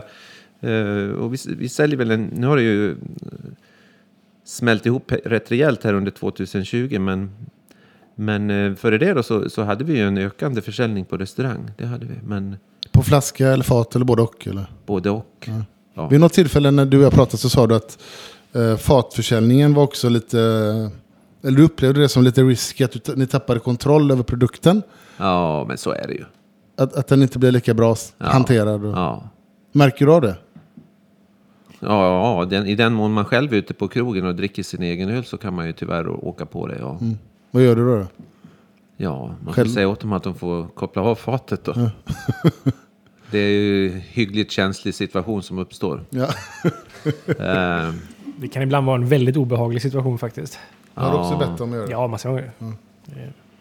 men det- det, det, Man kan ju inte börja tjafsa emot direkt, eller? Nej, men samtidigt så är det en kund och man vill ju att kunden ska köpa mer öl i framtiden. Men att man vill att det ska smaka bra och så är det inte alltid förståelse däremellan och så. Men det kan bli obekvämt. Alltså, jag skulle vilja starta en kampanj. Mer öl på flaska i så fall. Men eh, flaskorna ska säljas, färska de också. Jag var på en fin Stockholmsrestaurang och drack öl från ett av Sveriges största bryggerier. Då. Det var en sån här hantverksprodukt de hade. Nu i somras. Och det var, det var, det, jag vet ju nästan alla kör ju med ett år va. Och alla vet ju, vi kör också med ett år. Vi började med sex månaders hållbarhet på våra öl. Och sen så, vi, sen så när vi började sälja på export då var vi tvungna att öka till ett år. För annars fick vi inte sälja en flaska. Och alla kör ju ett år vad jag förstår mer eller mindre. Och det här var ju då, eh, det ju stämplat med samma datum som det var när jag drack det där. Och det var ju i princip helt odrickbart. Och, och så är det ju. Det är ju inte det bryggeriets fel, eller- men det är ju restaurangen eller logistikens fel. Liksom, att det är, det är för mycket gammalt öl där ute på restaurang. Det är, det är inte bra. Folk lär sig ju tycka om eh, oxiderade smaker. ja, det måste vara så alltså. Ja, men så är det verkligen. Det tror jag. Får jag smaka på den där ölen eller? Ska du ta Ja, hela? nej, ja absolut. Ja. Det är ju nästan ett problem. Det är ju så många olika öl och så restaurangen köper in jättemånga olika och så vissa blir stående och så... Jag kan ju komma till restauranger i Göteborg som har ett stort utbud av hantverksöl på burk och så ser man den här gjorde jag för mer än ett och ett halvt år sedan. Den stod kvar där uppe bortglömd i en... Uppe i en liksom en litet fack i en kyl. Det här med tyska bryggerier, de kanske har två, ett och två och tre öl va? Och så kör de, snurrar de där år ut och år in. Och det är likadant med, det är inte bara tyska bryggerier, det är också när du går på en tysk eh, pub eller restaurang också. De har inte så många, de har ett väldigt begränsat utbud och det skulle vi också ha i Sverige. Va? Det, är, det är much ju som, det som att starta en liten restaurang i en byhåla i södra Dalarna och så har de liksom 50 öl liksom, 10 kranar och 40 i kylen. Liksom. Men det, ruljans den nu. som har varit med lite grann förstår ju direkt att liksom 90 procent eller 95 procent av det här det är ju gammalt. Om inte det är gammalt idag så blir det det om några månader. Mm. Men eh, det anser ju inte krögaren. Han har bra snurr på alltihopa. Mm. Det är för mycket kvantitet i variation liksom. Att man, eh, det är viktigare att ha för många, att många har många ölsorter än vad det är att se till att man har några som är riktigt, riktigt bra. Ja, jag vet inte som... Kanske, jag vet inte, man kan... Men det har väl gått en trend i det här också. Att liksom för att liksom, det har varit ett sätt att nischa sig. Ja, men vi är en ölkrog eller vi är en ölpub. Så har man, men man kan inte ha så, så många ölsorter i en restaurang om inte man, om inte man är, har ett eh, A-läge i Stockholm just, som, som har en enorm flöde på folk. Just, som. Eh, men det ställer ju också högre krav på den som köper in ölen på restaurangen också. Att han eller hon ska ju också liksom kunna göra egna urval. Men det är ju en enorm press också på krögarna. De kanske har ju som flera säljare som vill besöka dem varje dag. Liksom. Och det blir svårt. Men de, de måste ju göra ett eget urval så att de, som Olle säger, man kanske ska ha ett fåtal. Man kanske ska ha en eller, en eller två öl inom varje ölstil. Liksom. Då kanske man landar på 15 öl istället för 50. Och får, det blir ju infarkt. Ju, så. Och, och det lider vi ju alla av. Det lider ju krögarna av. Och det får ju vi också lida av. Att, Att det vi, vi, vill ju, vi, vill ju, vi, är ju vi är ju med i matchen också. Vi vill ju ställa, är det någon som ringer? Ja, men det är klart att vi kommer med några kartonger öl. Mm. Det är ju självklart. Vi säger att nej, vi tycker att ni har för många sorter i er restaurang, så vi Nej, avstår den här försäljningen. Ja. Vi köpte ju förra Eller ska vi säga sex till åtta brödskivor om dagen? Eller som, ja, men det, det, det blir, det, ja, jag vet inte. Jag vet inte om man ska stoppa det där. Liksom. Det, Nej, det det är inte. som det är. Jag tror konsumenter, jag, ett, ett bra tips för konsumenten, om det är någon som lyssnar på det här, det är att liksom gå in på krogen och säga vilket öl har du sålt mest av den här veckan? Just det. Och så tar man det. Mariestads export. Ja. Aj då. Ja.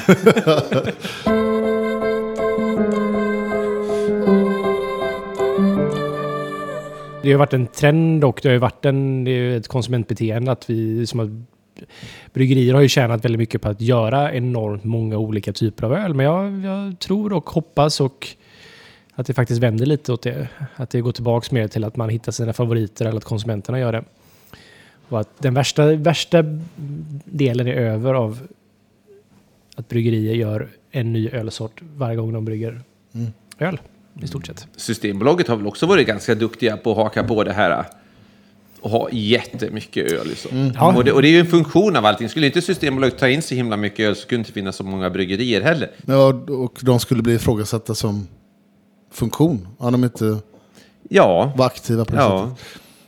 Jag sitter här med en lista på era ölsorter. Jaha. Eh, jag tänker så här, av alla öl som du har gjort, är det några öl som du, så här, eller något öl som du brinner extra mycket för? Som du sådär, antingen älskar extra mycket eller som ligger varmt om hjärtat eller extra mycket? Ja, men det, måste ju, det är ju de här eh, som har varit med länge. Det är ju så. Vilka är det? Golden Ale och Winter Ale. Indian Ja. Tribute? Ja. Fast kanske ändå, ändå mera Winter Ale och Easter Ale och Golden Ale. Liksom det, det hände, det är så mycket sådana här äh, minnen och episoder kring saker och ting som, eh, som var så enormt viktiga. Det var ju som eh, eh, Dead or Alive ju som. Utveckla. Vad tänkte du? Jo, men när vi fick Golden Aid på Systembolaget, det var ju, det var ju, det var ju, alltså, hade vi inte fått det, det kanske, som, det kanske det här hade blivit eh, som en, en malpåse jämfört med vad det är idag. Eller som, jag kommer ihåg, jag, jag, jag eh, Systembolaget, när jag ringde Systembolaget, eh, det här var 2006, 2007 någonting sådär. Och eh, det handlade om påsköl och de hade inte fått in min påskölsoffert. Och vi hade ju sålt året innan och så här, jag, var, jag kommer ihåg, jag var helt förkrossad. Liksom, på den tiden så faxade man in, det fanns något som hette telefax på den tiden. Och eh, då hade jag offererat eh, en eh, våröl, Amarillo Spring samtidigt tror jag det var. Som sen vart Amarillo. Och eh, jag förstod inte hur det hade gått till. Liksom. Och jag, jag hävdade då att eh, jag hade stoppat två offerter i faxen och eh, faxen hade tagit med sig båda papperna igenom. Så de hade bara fått Amar- Amarillo-offerten men inte påskullsofferten. Och eh, jag, jag kunde ju eh, visa vilket datum det där var. Jag menar, idag så skulle ju det där, det där är ju fullständigt omöjligt. Liksom. Vi gjorde ju samma, eller samma, vi gjorde ju en tavla med, med Wintrail för några år sedan. Men, eh, men, eh, Ja, när ni glömde skicka in ja, vi skickade aldrig in offert. provet eller offerten? Nej, offerten. Men jag håller på att hämta mig från det nu. Ja, jag, du skrattar, men jag gör det Ja, men jag har saknat ölen det Jag, året. va? Ja, men fast Jag det sa- kom, Men det kommer, det kommer inte på samma... I år? Nej, Nej, då- men det i år. året så... Ja, 2018 ja. Men vi fick, vi, vi, vi fick ju ut den på rätt mycket butiker ändå via beställningssortimentet. Så nu är vi ju tillbaka som eh, en av de som säljer mest. Men ni behövde inte hälla ut något det året? Nej. Nej. Men du Men, fick, men, men det som var, som var kul, det som var lite mänskligt i det där, då, det var ju att Systembolaget de köpte mitt resonemang där att, att två papper hade gått igenom faxen där. Så jag fick eh, skicka om offerten då, fast det var för sent. Det var väldigt Det här, det här skulle man ju egentligen inte få skicka, men det här är ju alltså det är 13 år sedan något sånt där. ja, det borde man göra nu med, något liknande. Vi har försökt tro oss. Vi har hittat på de mest dumma ursäkterna man kan komma på för att när vi har någonting har blivit fel när vi har skickat in offerter. För sent. Ja. Men här var det ju tekniskt fel. Det var ju faxen som hade gjort något fel. Det var ju inte jag. För jag gör ju aldrig några fel. Nej. Nej, det är alltid någon Inte annan. I det här fallet inte var det heller. faxen som fick skiten. Liksom. Så jag slutar med fax nu faktiskt. Jaha. Ja. Jag har till och med sagt upp abonnemanget. 77 21 35 hade vi förut. Finns det något öl som, eller några öl som du, eh, ni har gjort som du har sagt nej men det här var skräp, vi kan inte sälja det här. Och då menar jag inte defekt utan bara du tycker det är dåligt. Liksom. Ja. Har det hänt något sånt? Och, och vi har ändå sålt det. Ja. Nej, eller, ja, eller hällt ut det. eller hällt ut det. Nej, men det, det finns väl, vi har väl inte så jättemånga sådana där stora sådana debacle kanske, men, men vi, vi, vi gjorde någon öl. Peter Högström hade vunnit SM i hembryggning och vi gjorde någon invit, han kallade det, det var den här vitt med koriander och apelsinskal i och eh, han ville ha en flytande jäst från White Lab eller något sånt här, eller från Wise. Och för det var hela ölet, men jag vägrade utan jag köpte någon, någon, någon suspekt torrjäst från, eh, vad heter de här i Belgien, som, som Bro, Bro, Brauland. Brauland, ja. Brauland, ja.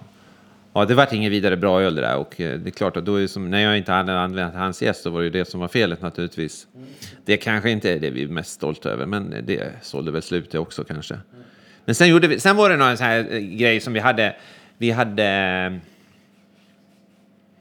vi hade, mm, vi köpte eh, färdigblandad malt på recept. Vi skickade ner recept på Golden Ale till mälteriet och så blandade de det i storsäck. Så då fick vi, och då, då passade ju, som, en storsäck det är någonstans mellan 750 och 1000 kilo malt då. Eh, så i brygghuset här så, som, eh, kanske som 750 kilo färdigblandat eh, är lagom för eh, ett kok av Golden Ale. Då. Det var ju som bara lyfta upp, eh, ta Eh, en ledstapler och köra, eh, hänga, sätta eh, säcken ovanför krossen och sen så snitta säcken eller sk- eh, knyta upp säcken och sen så var det bara att krossa och mäska in. Det var ju, det, det var ju, vi, vi skämtade och sa det att det var, det var ju ungefär som, det var ju samma som verkningshöjd som när, när man går på Ica och köper så här eh, eh, Färdighackad sallad. Nej, men om du ska som, inte ett färdigt pepparkaksdeg, men om du ska göra en sockerkaka så kanske så, sån här mix, va, så blandar man bara i vatten och så, Ja, så, precis. bara stoppa i ugnen. Lite så var det ju. Så. Eh, och eh, jag var så jävla dum i huvudet, så då kom... Eh, och det funkar ju jättebra, det var ju smidigt faktiskt. Men sen så hade det här med mälteriet och bytt ut eh, Pale Ale-malten en gång mot rökmalt. och, så, och jag bryggde, jag satt väl här då och lekte direktör och så ute i brygghuset så kom Björn, det luktar, eh, det luktar rökmalt av den här in, vinmäskningen. Ja, det luktar ju, det luktar ju schlänkela i hela bryggeriet ju. Nej, det är nog bara lite grann så. Det går nog över så jag släta över det. Vi bryggde ju tre batcher ju som 10 000 liter. Det här var veckan före midsommar. Och, sådär. och sen när det jäst klart så tog vi ut och provade. Det var ju, det var ju, Schlenkerla är ju mörkt, men vi säger att det var som special då. Ja. Ja, Men var det gott då? ja visst. Nej, vi pumpade till grisarna alltihopa. Jaha. Ja, Men kunde du inte sålt det som något annat? nej, men hur ska jag kunna göra? Hur 10 000 liter? Ja, okej. Fråga Olle, han, han, han går ju inte att sälja 10 000 liter utan att du har en Speciellt affär. inte om det är rököl. Ja, du lever i en fantasivärld, Fredrik. Det är, Nej, men, all, all, men egentligen, när vi ändå spånar, produktutveckling, liksom, där har vi ju, ett- det är, vi har ju ett färdigt recept där. Ja. Golden Rauch. En pärl gjord av.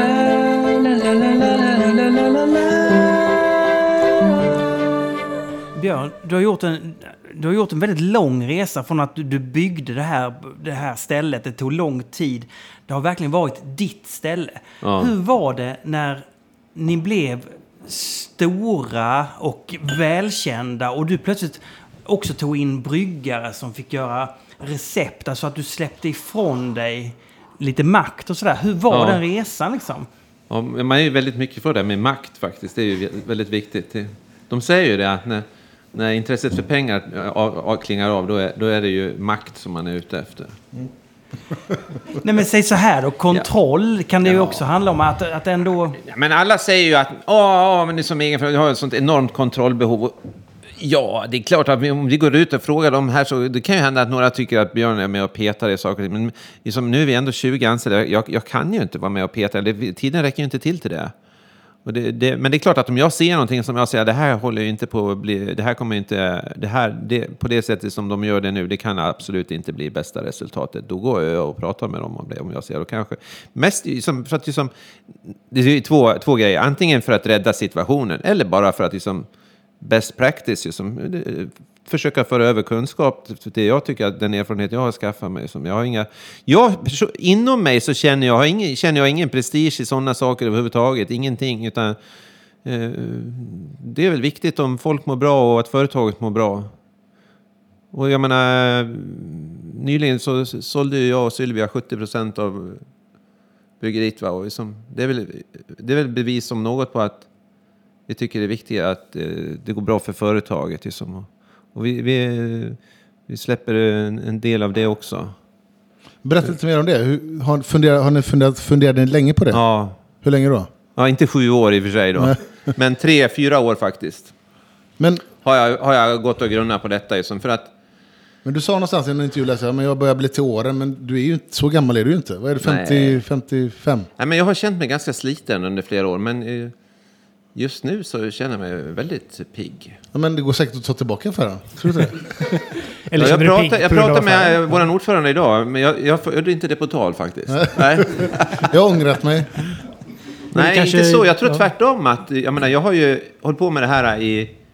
i eh, ja, vi har haft, drivit ölförsäljning i 17 år och sen så, så 24 år har jag hållit på med det här. Va? Men jag har ju varit anställd också. Jag, har ju, jag är ju van att ha en chef också. Och, och jag har sagt till de nya ägarna, och jag har sagt det till någon annan också. Ja men, ja, men, ja, men Björn, du har sånt driv, du jobbar mycket och du tycker det här är kul. Ja men, Ja, men det har inte spelat någon roll för mig. Om, jag menar, när jag jobbade på Medborgarskolan och skulle som ekonom i Stockholm, jag satt och jobbade till tio på kvällarna där också utan övertidsersättning, för jag tyckte det var kul. Eller jag, jag, jag kom in, jag tyckte det var kul att jobba. Och jag tyck, men det låter ju, det, är också någon, jävla- det blir också någon sån här diagnos, man ska, om man tycker det är kul att stämma av en huvudbok, liksom, det kan det ju inte vara. liksom. Men jag tyckte väl det. Eh, det är ju psykiskt mm, tveksamt. Liksom. Men, men, men så att det, jag har alltid... Det man har gått in för och det man har jobbat med och, och, och intresserat sig för och tyckt har varit kul, det har man, och, och då har man fortsatt med det. Och då har jag ju inte, om jag tjänar en krona timmen eller tusen kronor i timmen, det är, liksom inte, det är inte det som har drivit mig. Sen så är det naturligtvis otroligt triggande när man ser att försäljningsvolymer stiger. Så det är klart, det, det kan ingen förneka. Som det, för det, det, jag tror det, det, det, det är hyggligt mänskligt faktiskt. Uh för med de där volymerna så har man ju också kunnat utveckla och för, förverkliga sina drömmar också. Men har det varit så varje år? Har ni, har ni ökat varje år? Nej, inte de sista åren. Nu ökar vi lite grann igen. Men, men ehm, det var ju det här med Göteborgs Beer Week och det här. Vi kom in eh, 2016, 17 med en portfölj som har stigit hela tiden. Så helt plötsligt så kommer det IPor som eh, vi aldrig hade gjort det som. Och, och, det, det, det är väl kanske, det, går, det är omöjligt att förklara ju som vad som är orsak och verkan på allting, men det är väl kanske en, liten, en del av förklaringen. En annan förklaring är också att det har ju blivit, jag menar, bara i Hedemora kommun så finns det två bryggerier idag på 15 000 invånare. Och på det viset så är vi mer bryggeritäta än vad Göteborgs stad är. skulle jag. Så, att det, är så, eh, så att det, det är klart att marknaden har blivit väldigt eh, tät. Så det har väl liksom eh, skapat mer konkurrens för oss också naturligtvis. Men, och sen när ni ville sälja, då kontaktade ni någon företagssäljare? Nej, jag har aldrig kontaktat någon. Eh, Jag har gått hemma och funderat och funderat och det har ringt några riskkapitalister under årens lopp. Men eh, det ringde redan någon kanske 2013, 14 och så här. Då, var, då höll vi precis på att bygga ett nytt bryggeri så det var ju inte aktuellt alls då. Men eh, när åren har gått så, så har ju eh, tankarna kommit och gått. Och det har varit ett antal eh, såna här eh, företagsmäklare som har kontaktat mig och jag har tackat nej och jag har varit så nära så att jag har skrivit på ett samarbetsavtal men så gjorde jag inte det så slängde jag papperskorgen. Och sen så ringde det en mäklare i, i eh, våras och han eh, hade ett litet filialkontor i Falun och det kändes ju väldigt förtroendeingivande då. Allting bygger ju på förtroende, att man ska tro på, på eh, motparten. Liksom. Och, och med det så satte vi igång en process och eh, jag visste ju inte vad det skulle ge vid handen. Det, det, är ju som, det enda jag hade sagt från början är liksom att vi...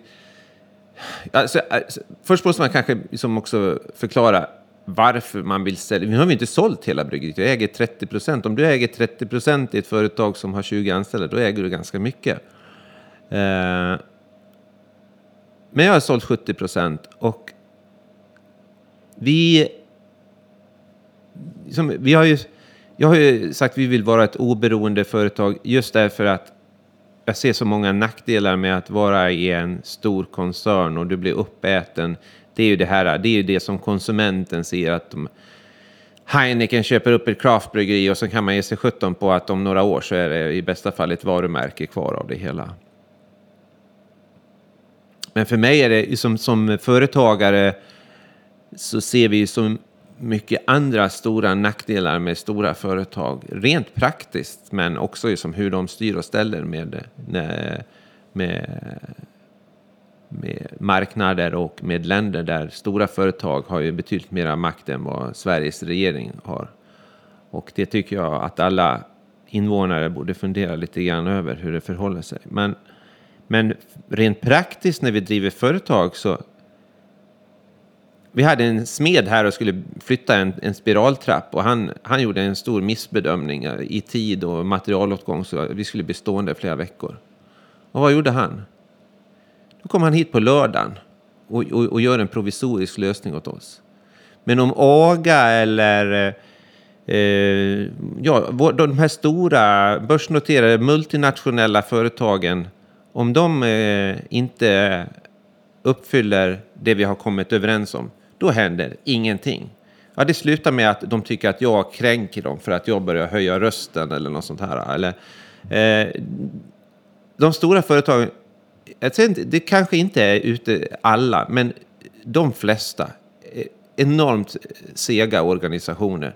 Det är jättesvårt att göra bra affärer med dem. Medan de bästa leverantörerna vi har, det är familjeföretag. Och då vill ju jag gärna kanske att Oppegårds kan fortsätta få vara den typen av företag, även om jag inte kan stå vid rodret när jag är 75. Va? Nej. Och jag har två döttrar.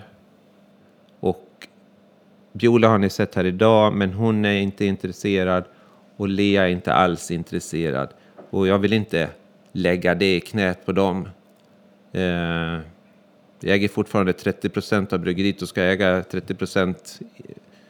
Vi har ingen, vi har ingen deadline på det. Det ska, förmodligen så går de här 30 procenten i arv. Om man, då Okej. förstår ni vad jag menar. Ja, jag förstår. Eh, så har ju de alla möjligheter ändå att engagera sig om de visar sig vara intresserade och har, har, kan bidra med någonting. Men det låter som en, eh, det låter som en sund affär. Jag, jag Ja, tänk- det känns väldigt sunt. ja. Fick du något erbjudande av något stort bryggeri? Nej, men vi gjorde så här att tillsammans med den här mäklaren så sa jag ju som att vi vill inte sälja till något bryggeri. Eller vi vill inte sälja till eh, branschen. Liksom. Ja, men jag tycker vi ska hålla det öppet, sa mäklaren. Det är där de stora pengarna finns. För de kan ju som... de- de kan ju, jag menar, våra nya ägare, de har, ju, de har ju ingen organisation för att sälja öl. Medan om jag skulle sälja till Heineken eller något annat, så kan ju de bara trycka på en knapp och så har vi det här ute i en världsförsäljning och sen så helt plötsligt så har det här företaget ett helt annat värde. Och då kan de ju betala betydligt mer också. Men vi sa alltså att vi tar, i första steget så skannar vi vad finns det för, för, för investment, investerare i, i Sverige. Så vi hade, jag var träffade sju olika eh, typer av, ja, de kallas sig investmentbolag och riskkapitalbolag. Men det finns ju, två, det finns ju olika schatteringar där också. Och eh, en del, det är väl de som kallar sig mera riskkapitalbolag, som kanske går in och så säljer de fondandelar i sin firma eller i ett projekt. Och så eh, de som investerar, de ska ha tillbaks pengarna om fyra år. Mm. Ja, det betyder att det företaget kommer att säljas om fyra år. Just det. Ja. Och där vill vi ju absolut inte hamna. Nej. Inte, inte, inte, inte, för, inte, inte för min övertygelse, men inte för att vi bor ju dessutom här. Liksom. Vi bor ju 100 meter härifrån. Så även den dagen som jag kanske inte går ner till bryggeriet varje morgon så vill jag ju i alla fall kunna gå förbi och känna att det, det fortsätter i, i den anda som jag tyckte var schysst. Men du vill inte se en Heineken-skylt här?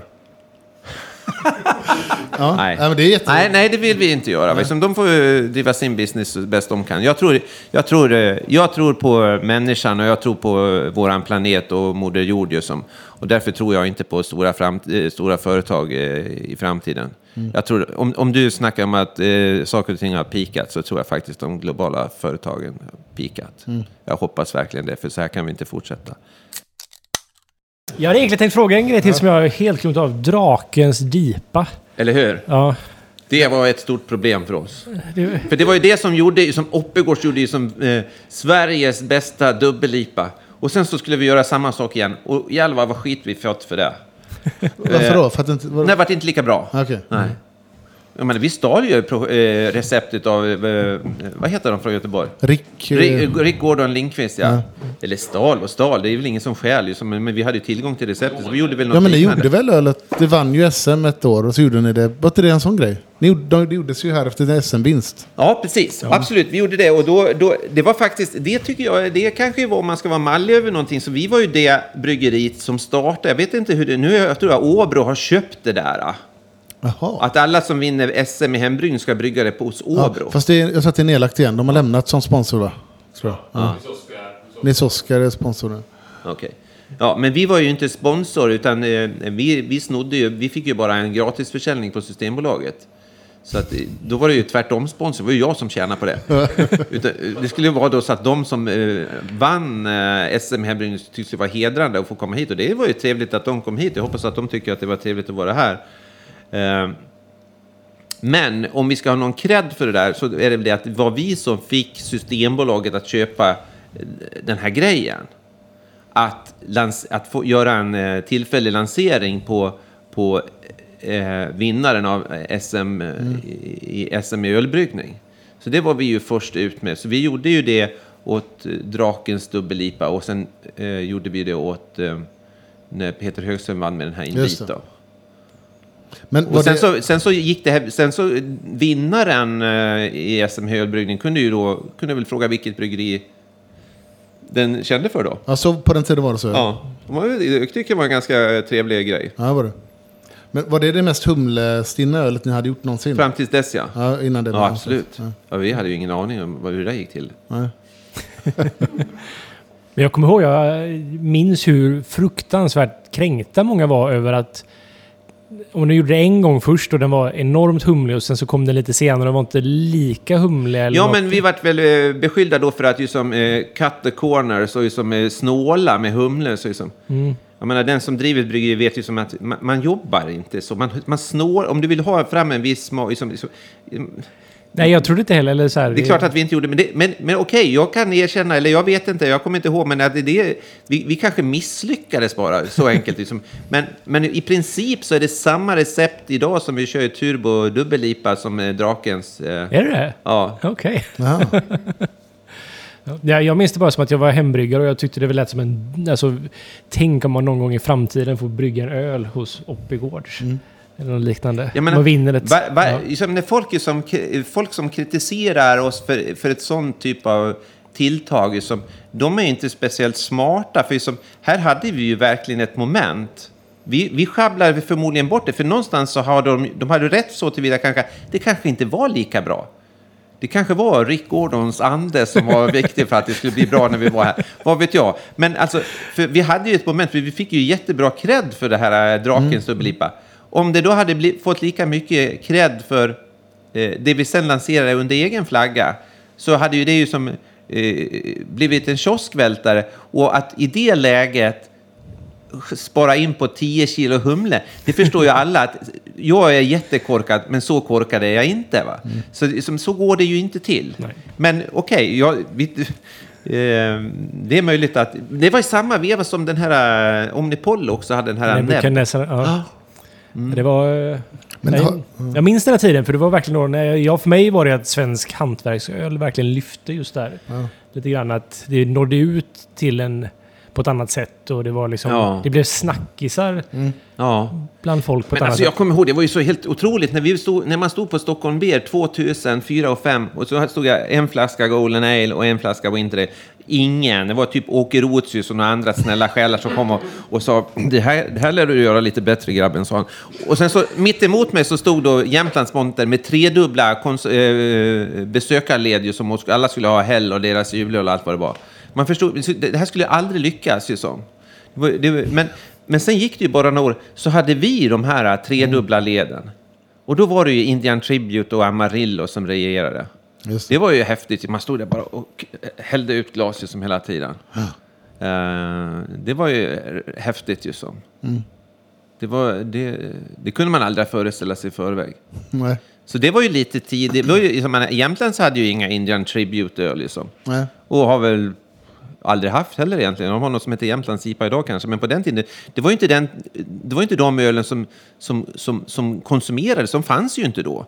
Det var ju Hell och Heaven och deras julöl och, och ja.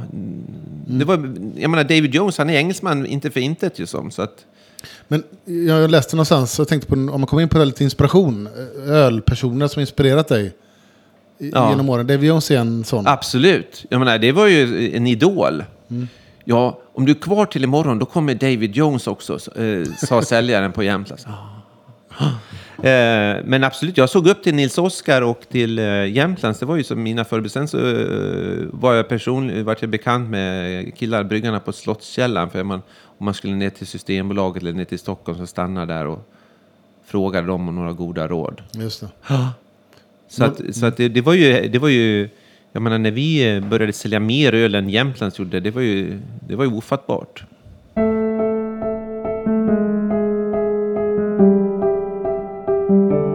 Några andra så här inspirationer, förebilder i ölvärlden? Ja, men det här låter ju också töntigt, men, men alltså, eh, jag och Sylvia, vi åkte runt och början av 90-talet, ja det var väl början av 90-talet, på semester och besökte eh, Caledonian Brewery i Edinburgh och eh, de här i Aloha i Skottland. Eh, ja, sen så Belhaven. Jag kommer ihåg vi var i, i Belgien och var ett litet craftbryggeri i en stad som heter Nijmegen och, och han hade ett gammalt hus från 1500-talet i fyra våningar och, och i toppen så här krossade han malten och sånt där och i källaren så gjorde han genever av eh, surt öl eller gammalt öl. Och det är väl sådana bryggeribesök som man har inspirerats av eftersom man visste ju inte hur ett bryggeri såg ut ens. Utan man kunde ju som eh, köpa Malting and Brewing Science i två volymer från Edinburgh. Och så kunde man se på eh, ritningsskisser hur en mäskpanna såg ut. Och så här. Det fanns ju inget internet och det fanns ju inga kineser att köpa utrustning av. Utan man fick ju försöka hitta på något själv då. Det första bryggverket, det byggde ni ihop av... Det ni ihop själva? Liksom. Ja, jag, har- det, jag höll på en hel vinter och, och svetsade här i det här rummet där vi sitter nu. Och svärfar hade hittat två gamla eh, rostfria tankar på 2500 liter vardera. Eh, oisolerade, bara tankar på ett sågverk uppe i Svärdsjö som jag vet inte vad de haft dem till. Men, så jag eh, byggde om den ena till Whirlpool och den andra till vörtpanna och hade direktverkande eh, gasol som eh, värmekälla och isolerade där med rockwool och klädde det med. Det var en granne som hade en rulle rostfri plåt, en millimeters plåt som låg på gräsmattan som jag fick köpa för en 500 som var ju massor med plåt som jag kunde klä alla varmvattentankar och bryggkärl och sådär. Så att, eh, nej, det, jag höll nog på ett helt år kanske att brygga, bygga det där bryggverket. Liksom. Och så eh, gjorde jag öppna jäskar av... Eh, eh, många bondgårdar förr i tiden hade mjölktankar som var med, med lock på, på upp till och så var de halvmåneformade. De finns också på Rådanäs idag. Men nu tror jag han har försökt sälja dem där. Jag skulle ha tagit tillbaka dem, jag sa det, men, men jag fick inte ta tillbaka dem här. Vi hade ingenstans att ha dem. Men det hade varit coolt att ha, ta tillbaka dem och, ha som, och, och jäsa öl med öppna jäskar. För, eh, om, man har, om man har gjort det, är som, för vi har ju gått från öppna jäskar till, till slutna kombitankar, så, så blir det ju rätt stor skillnad kan jag säga. Och är det någonting man ska göra öppna jäskar tror jag så är det att torrhumla öl. Då lägger det sig som en marsipantårta. Det ser så häftigt ut också. Ut. Men vilken kontaktyta du har. Som, eh, kanske djupet på tanken bara en och en halv meter. Men sen så har du en, en area på, på, eh, på tre och en halv kvadratmeter eller något sånt där. Så det blir ett väldigt bra utbyte. Sen så kan det hända att ölet varit lite oxiderat med. Men jag tror inte det vart så himla stor... Det gjorde inte så mycket som... Jag tror inte heller, alltså det här är ju jättevanligt i Storbritannien och jag tror inte det... Firma Krönlines har öppna jäskar fortfarande. Ja, precis. Till exempel. Men du, du hade varit i kontakt med, med dem och ville köpa tillbaka det va? Var för... Ja, de hade lagt ut det på Blocket och då, då skrev jag skämtsamt till någon, om det var till Fölster eller vad heter han? Fönster sa att de gjort pissoar av det nämligen. Ja, det skrev, de där skulle jag vilja ha tillbaka. Så det, det, då skrev han väl tillbaka till, till Rådanäs och då ringde han på Rådanäs upp med allvar och skulle köpa dem. Ja, det, det, kanske... Ja, jag ska återkomma, sa jag. Något sånt där. Men, eh, men ja, nej, det, vi har inget... Måste jag bygga, då måste jag bygga en, en jäskällare någonstans. Ja, just det. Nej, men det, det, det, jag vet inte hur Närke gör, men de har ju hållit på och jäst i öppna jäskar länge. Jag vet inte om de fortfarande gör det. Det gjorde de när vi var där. Ja. Alltså nu när vi pratar här och du pratar om byggande och du, du, du berättar återigen det här med att det tog sex år att bygga det här första. Sju. Sju år. Och du har byggt flera byggnader. Är det, är, det, är det byggare du är egentligen? Alltså har du fler byggprojekt på gång? Det verkar finnas i dig. Vi, har alltså, inga, eh, vi har inga byggnadslov som ligger inne just nu, nej. Alla är slutrapporterade. Okej. Men, men, men vi, har, vi har ju byggt ett lager i år. Det här röda här ute, Ja. det är ju 13 gånger 24. Det har vi byggt i år. Det har ni ändå byggt i år? Ja, det har vi byggt i Ja, år. men ligger det inte någonting i det här? Jo, va? men det byggde vi, för det var, jag menar, det kom den här corona-grejen och som, som, ja, vi hade, det gick bra, företaget ekonomiskt. Vi måste ju, som, vi är ju ganska fullinvesterade med maskiner överallt, som, så att vi måste hitta på någonting. Och då tyckte jag ett, ett litet, ett litet lager för eh, tompall och tomkartonger. Det var dessutom någonting som varit väldigt uppskattat av vårt försäkringsbolag för att då flyttade vi ut kartonger och sånt som är brännbart ut i ett separat eh, byggnad. Då. Så om det skulle fatta eld, då brinner det ner. Men då kan vi fortsätta brygga öl och så ringer vi samtal och tar hem lite mer pall och får smurfigt och göra lite panikproduktion eh, av kartonger. Och det är ganska smart. Det är ungefär samma tänk som eh, min morfar hade med, med smeden här. Man ställer det vid sidan om. Liksom. Jag tänker på surölshuset står också vid sidan om så inte det ska förstöra för resten här, eller hur? Samma princip. Ja, det, ja, precis. Det är samma princip. Men jag, man har ju sett på många, eller jag, jag säger många ställen därför att jag ska inte hänga ut någon, där man har ju som eh, suröl i IBC-containrar alldeles bredvid sina jästankar. Det känns tveksamt. Ja, jag tycker det känns eh, väldigt, väldigt svårt att sova på nätterna. Men, eh, men eh, det kan ju bero på att jag har bristande kunskap. Men jag, jag, har, ju, jag, jag har ju fått för mig att liksom, ja men varför blev ölet infekterat? Eller varför vart det inte infekterat? Ja, och så eh, helt så här... eh, Men det är ju väldigt populärt idag att det ska vara väldigt... Eh, liksom bara, man ska tro saker. Och då, och jag, då tror jag på det här att, att man ska ha skilda utrymmen för bryggning och jäsning. Och, och, och då har vi ju... Och det- är ju en sån här efterkonstruktion, för det var ju ingenting som jag satt och... Jag hade ingen strategi eller någon plan för det, utan det här var ju brygghuset. Det gick ju inte, fanns ju inte plats för någon jäskar här, så då var jag tvungen att bygga någonting vid sidan om. Och, och då när det fungerade och vi inte har fått några allvarliga incidenter i bryggeriet, ja då, då gör vi likadant där och så gör vi likadant i det nya bryggeriet vi har eh, med väggar och separata ventilationssystem och sådär. Någonstans så tror jag ju det är bra, för malta innehåller ju mjölksyrebakterier i alla fall, så är det ju. Ehm, men, Men det eh, skadar ju inte. Nej, det skadar inte, men jag vet ju också att nästan, all, nästan ingen gör så och nästan alla eh, gör ju bra öl. Så att, liksom, det är klart, nå- så att, eh, jag har fel. Men det kanske är många bäckar små. Det är rätt mycket i kvalitetsarbetet som summerar ihop till en bättre produkt. Ja, men det är väl så att, liksom, eh, att man, eh, man gör av erfarenhet och inte av eh, eh, teoretisk kunskap eller, eller att man köper in konsultinsatser. Utan eh, det som har fungerat i 10 eller 15 år, det borde ju kunna fungera ett år till. Och då kanske man inte ska ändra det. Nej. Samtidigt så är det viktigt att pröva nya idéer för att göra saker och ting bättre. Men det betyder inte att man ska riva väggen mellan brygghuset och tankhallen. Nej. Nej. Där går gränsen, känns det som. Nej, jag har bara ställt min cross i ett hörn så att den är så långt borta från allt annat. Liksom. Ja, så vi fick jobba. ja, det är en sån här psykologisk grej. Precis. Ja, ja det är nog så viktigt.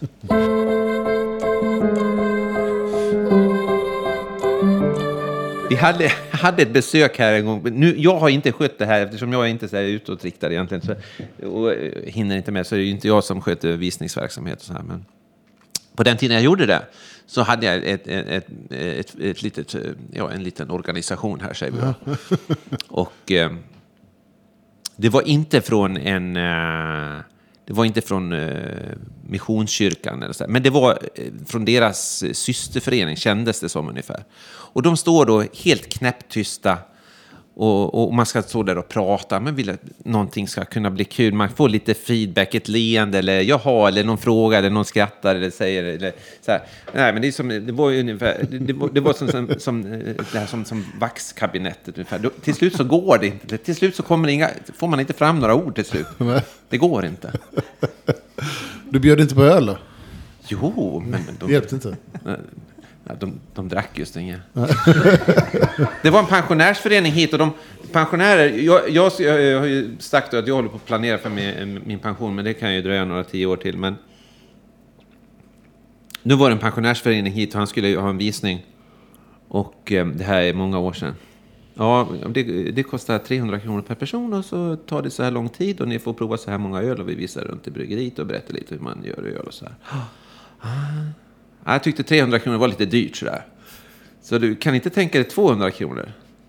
Jag kan tänka mig vilket pris som helst, jag, men jag kan liksom inte ta 200 kronor av dig och så kommer dina polare hit nästa vecka och så ska jag ha 300, utan vi tar 300 kronor, då blir det ju lika och det blir enkelt för oss och det blir rättvist.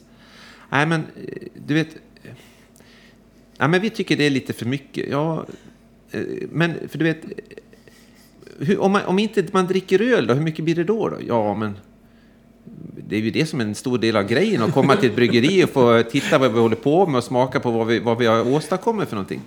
Ja, men du vet, det är många av oss som inte vill ha, som inte dricker öl. Som, nej, så alltså, ni, ni är inte intresserade av öl alls då? Ja, jag vet inte. Men så, då, så, så till slut så sa jag åt honom att då kanske det är bättre att ni åker och besöker något annan verksamhet än, än, än just ett bryggeri. Och det vart det faktiskt så också. De, de kom inte hit. Och jag tror det var bra. Liksom. Det var bra för dem och det var ännu bättre för mig faktiskt.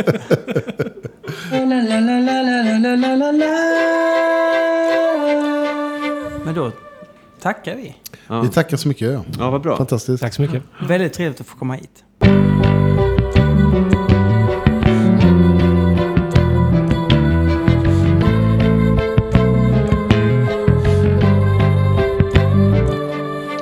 And